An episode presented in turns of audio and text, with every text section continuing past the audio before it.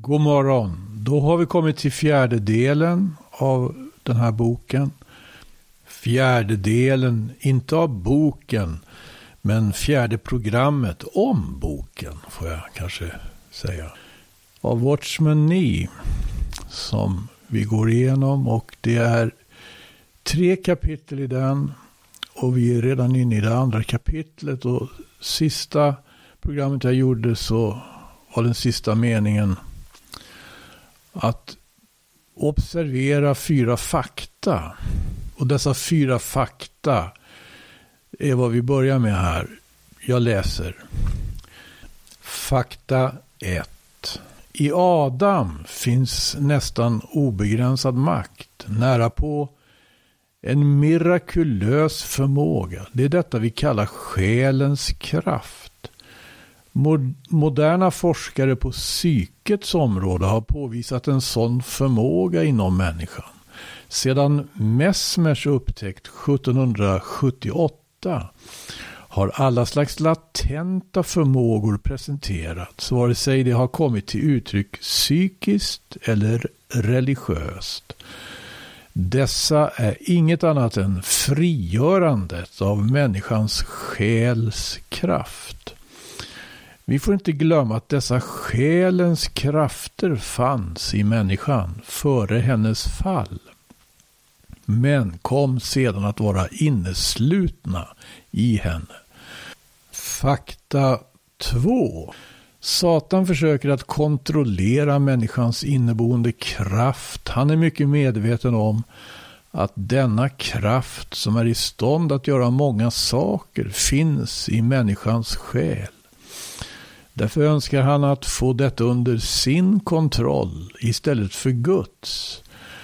Satan vill använda den för sina egna syften. Syftet med att han frestade Adam och Eva i lustgården var just att han skulle få kontroll över deras själs förmåga. Jag har allt som ofta talat om de andliga betydelserna av kunskapens träd på gott och ont och om livets träd.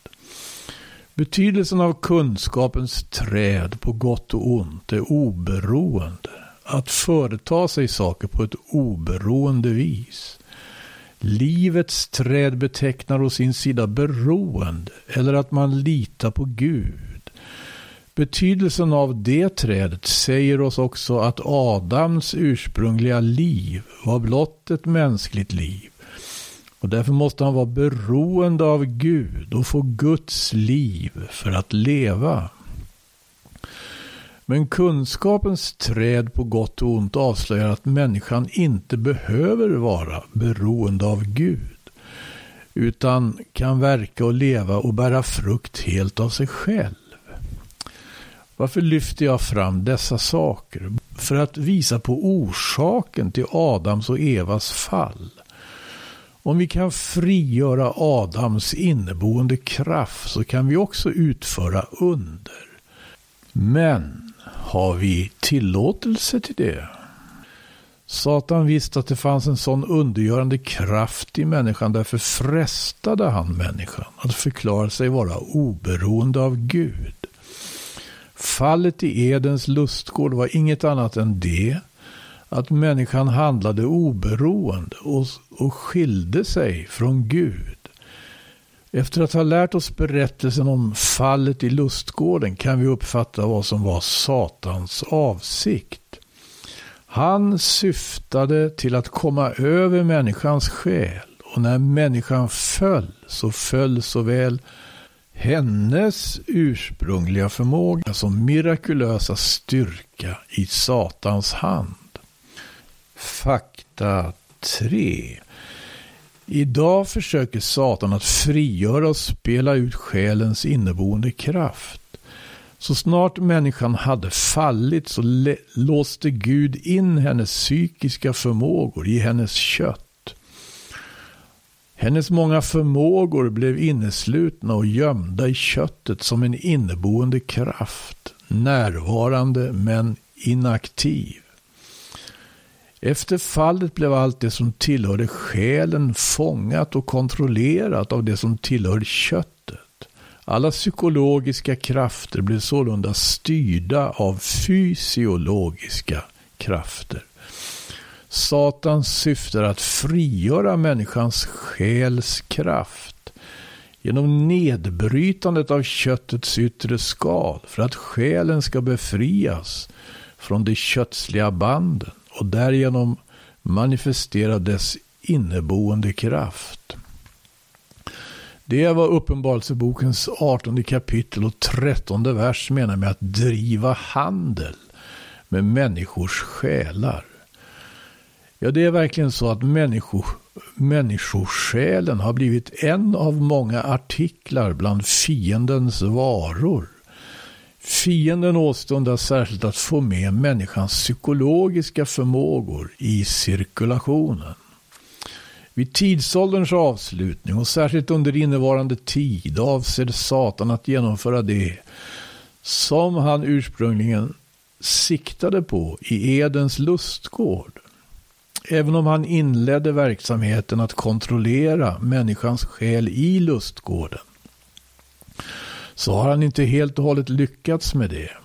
För efter fallet hamnade människans hela varelse, inklusive hennes själs förmåga, under köttet. Med andra ord hamnade människans psykologiska krafter under de fysiologiska krafternas välde.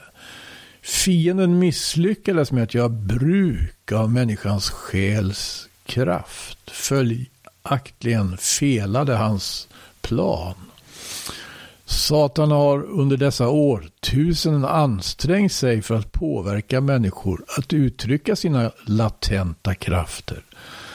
Han har då och då här och där funnit människor genom vilka han har lyckats att anlita deras själsförmågor. Det har blivit tidernas undergörande religiösa ledare. Men under de senaste hundra åren efter Messmers upptäckter inom parapsykologin har det följt många nya upptäckter av psykiska fenomen. Alla dessa beror av en anledning. Han avser Fienden försöker att fullända sitt tidigare misslyckade arbete. Han avser att frigöra alla människornas latenta krafter. Detta är hans enda syfte som han har omhuldat under årtusenden. Därför gör han affärer med människans själar vid sidan av sådana handelsvaror som guld, silver, dyrbara stenar, pärlor och boskap och ridhästar.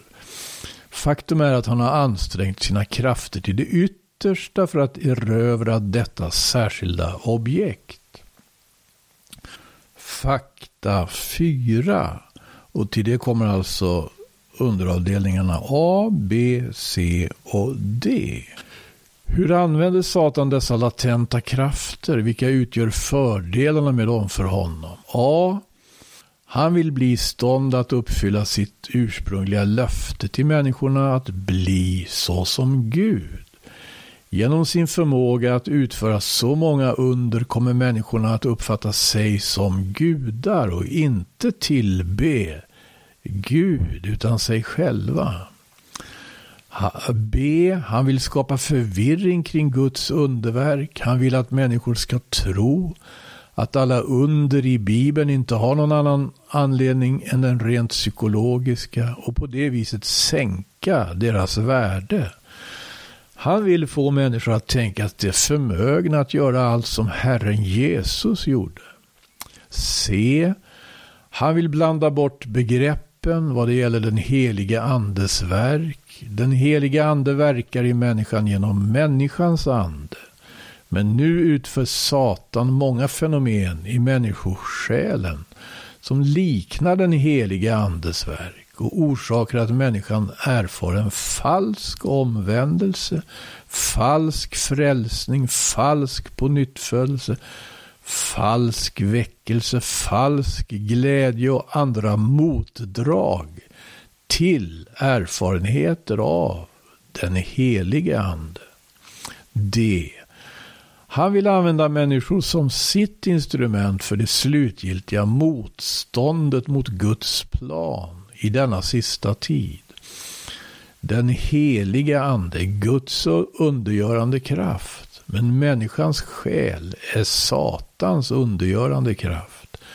De sista tre och ett halvt åren, profetiskt eh, sett då, med tanke på den stora vedermödan. De sista tre och ett halvt åren kommer att bli en period av stora under som verkas genom människans själ under Satans direktiv. När vi summerar ser vi alltså att 1. Alla dessa mirakulösa krafter fanns redan i Adam. 2. Satans syfte är att kontrollera dessa krafter. 3. I ändens tid är Satan och kommer att fortsätta vara speciellt engagerad i att manifestera dessa krafter. Och 4. Detta är hans försök att fullända det verk som tidigare inte hade framgång. Nästa rubrik heter alltså skiljelinjerna mellan Guds och Satans verk. Hur ska vi gardera oss mot bedrägerier? Vi behöver urskilja vad som är Guds verkande och vad som utgör fiendens verkande. Vilket verk som utförs av den helige ande och vilket verk som utförs av den onde anden. Allt som utförs av den Helige ande utförs genom människans ande. Medan allt som utförs av fienden görs genom människans själ. Den heliga ande rör sig genom den mänskliga anden. Medan fiendens ande rör sig genom människans själ. Detta är basskiljelinjen mellan Guds verkande och fiendens. Guds verk initieras av den helige ande. Men fiendens verk har sin utgångspunkt i människans själ. På grund av fallet är vår mänskliga ande död och kan alltså inte kommunicera med Gud. Då vi kommer till tro på Herren Jesus blir vi födda på nytt. Vad menas med att bli frälst eller född på nytt? Det är inte bara en fråga om terminologi. Det sker en reell organisk förändring inom oss. När vi förtröstar på Herren Jesus inför Gud sitt liv i vår ande och vederkvicker den. Liksom människans ande har substans så har den nya ande som Gud placerar i oss substans. I Johannes tredje kapitel och sjätte vers får vi veta vad den nya födelsen är. Det som är fött av ande är ande. Hesekiel informerar oss också i kapitel 36 och vers 26. Jag vill låta en ny ande komma i ert bröst. Så i den nya födelsen får vi en ny ande. Herren Jesus sa vid ett tillfälle, det ord som jag har talat till er är ande och liv. Johannes evangeliets sjätte kapitel, vers 63. Vårt liv och våra handlingar måste alltså befinna sig inom andens räckvidd. När Gud använder oss så verkar han vanligtvis genom, genom vår ande. Låt er uppfyllas av ande, heter det i Efesierbrevets femte kapitel och vers 18. Detta anger att den nya anden inom oss bör uppfyllas av helig ande. Med andra ord så fyller Gud vår ande med sin ande. Den heliga ande verkar i vår ande, men den onda anden verkar i vår själ. Satan kan bara operera i själen och genom själens kraft. Satan har inget sätt genom vilket han kan börja verka i människans ande. Hans verksamhet begränsas till själen. Vad han har sysslat med de senaste fem eller sex tusen åren gör han allt fort och kommer att fortsätta med i framtiden. Vad beror det på att Satan verkar vara lika allsmäktig, allestädes närvarande och allvetande som Gud? Ingen annan anledning än den att han är mäktig att agera genom människans själskraft. Vi skulle kunna säga att mellan den heliga ande Guds kraft så tycks människans själskraft vara, vara Satans kraft.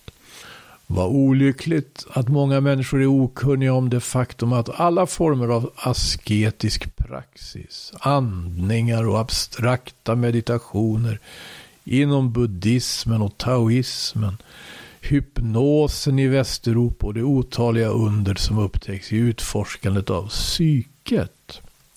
Inget annat är än uttrycken för den inneboende kraften i människans själ. Man inser inte hur mäktig denna själens kraft är. Bröder och systrar, låt oss inte betrakta detta bara som ett problem av mindre betydelse eller avfärda det som ett område för forskarna. Det har faktiskt djupgående följder för oss. Och nästa stycke, två sidor av människans själskraft. Två sidor av själens kraft. Enligt Bibeln så tycks själens inneboende kraft omfatta två former. Detta ligger parallellt med klassificeringar som görs från psykologisk utgångspunkt. Jag måste erkänna att jag inte förmår att skilja mellan dessa former ordentligt. Allt jag kan säga är att det verkar finnas två former av själens inneboende kraft. En verkar vara det vanliga slaget medan den andra verkar vara det mirakulösa slaget. En ser ut att vara naturlig, den andra verkar vara övernaturlig. En verkar vara mänskligt begriplig, den andra verkar ligga bortom människans förmåga att fatta. Termen sinne inom psykologin är vidare till sin betydelse än i Bibeln. Vad psykologen menar med sinne eller hjärta inkluderar två delar, medvetande och undermedvetande. Den undermedvetna delen är vad vi kallar den mirakulösa delen av själens förmåga. Även om psykologerna gör distinktionen mellan medvetet och undermedvetet så kan det knappast skilja mellan dem. Det bara klassar de mer allmänna psykiska manifestationerna som att det tillhör den första delen, den medvetna. Allt under det att det placerar de extraordinära och mirakulösa manifestationerna inom den andra kategorin, den undermedvetna. Vanligtvis, räknar, vanligtvis inräknar vi bara de allmänna manifestationerna inom själens räckvidd utan att veta att de underliga och mirakulösa manifestationerna också tillhör själen. Även om fenomen av detta slag oftare befinner sig inom det undermedvetnas sfär beroende på olika grad av inneboende kraft i olika individuella själar visar en del personer fenomen som mest tillhör den första formen, medan andra uppvisar mer av vad, av vad som tillhör den andra formen. Alla som tjänar Herren borde ägna särskild uppmärksamhet åt detta, annars blir det förda bakom ljuset av mirakulösa krafter medan de försöker hjälpa människor. Låt mig upprepa. Skillnaden mellan själ och ande. Adams fallna själ tillhör den gamla skapelsen. Men den på nytt födda anden är den nya skapelsen. Gud verkar med människans ande, för det är det på nytt födda livet, den nya skapelsen. Satan å sin sida bygger med människans själ. Det är den fallna själen i Adam. Han kan bara använda den gamla skapelsen därför att det på nytt födda livet i den nya skapelsen syndar icke. Nästa stycke har rubriken Vad Satan gör i församlingen eller i kyrkan idag. Hur opererar Satan genom människans själ och verkar genom hennes latenta psykiska förmåga? Vi har redan givit många exempel från buddhismen, taoismen, kristendomen, parapsykologin och så vidare. Låt oss nu illustrera med några exempel som visar hur Satan vill använda människans själ i andliga ting. Detta kommer att hjälpa den kristna att urskilja vad som är av Gud och vad som är av fienden. Men också att förstå hur Gud använder människans ande medan Satan använder människans själ. Och nästa stycke det är bönen. Bönerna i Bibeln är intelligenta och inte dumma. När Herren Jesus lär oss att bedja så lyder de första orden så. Fader vår som är i himmelen. Han lär oss att be till vår far i himmelen. Men vi kristna ber ofta till Gud i vårt rum. Våra böner skulle frambäras till den himmelske fadern för att han ska höra. Gud vill att vi ska sända våra böner till himmelen genom tron. Oavsett om vi känner oss i god form eller i dålig form. Eller kanske inte känner något alls. Om du ber till Gud, om du ber till och förväntar dig att bli hörd av Gud i ditt rum, så är jag rädd för att du kommer att erfara många konstiga känslor och mirakulösa ting och syner från din Gud i rummet. Dessa kommer från Satan och allt du får av Satan tillhör antingen det medvetna eller det undermedvetna. Någon ber kanske inte till Gud i sitt rum. Han riktar istället sina böner mot den person han ber för. Detta är också mycket farligt. Anta att du har en vän som befinner, som befinner sig 2000 engelska mil ifrån dig. Du ber för honom och begär av Gud antingen att han ska bli väckt genom ordet eller bli frälst beroende på situationen. Istället för att rikta dina böner mot Gud så koncentrerar du dig på dina tankar, dina förväntningar och dina önskningar. Och skickar ut dem mot din vän som en kraft. Den bönen är som en båge som skjuter iväg din tanke, din åstundan och önskan mot din vän som en pil. Han kommer att bli så pressad av denna kraft att han gör exakt vad du har bett om. Du kanske menar att din bön har blivit besvarad. Men låt mig säga dig att det inte är Gud som svarar på dina böner. För du har inte bett till honom. Det är bara ett svar på en bön som du har riktat mot din vän.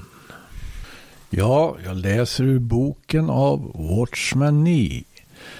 Och innan vi gör, tar, tar den sista delen här idag så vill jag bara inflika en reflektion när Watchman Nee talar eller skriver om att be till Gud i rummet. Då kanske någon invänder. Men Jesus har ju sagt att vi ska gå in i vår kammare och be till vår fader. Ja, men han har inte sagt att vi ska be till fadern i rummet. Han har sagt att vi ska be till fadern i himmelen. Det här tycker jag är mycket intressant. Va? Vi går inte in i vår kammare för att be till, till Gud i kammaren som om han vore en husgud. Utan vi ber som Jesus har lärt oss till Fadern i himmelen. Då läser vi sista biten här.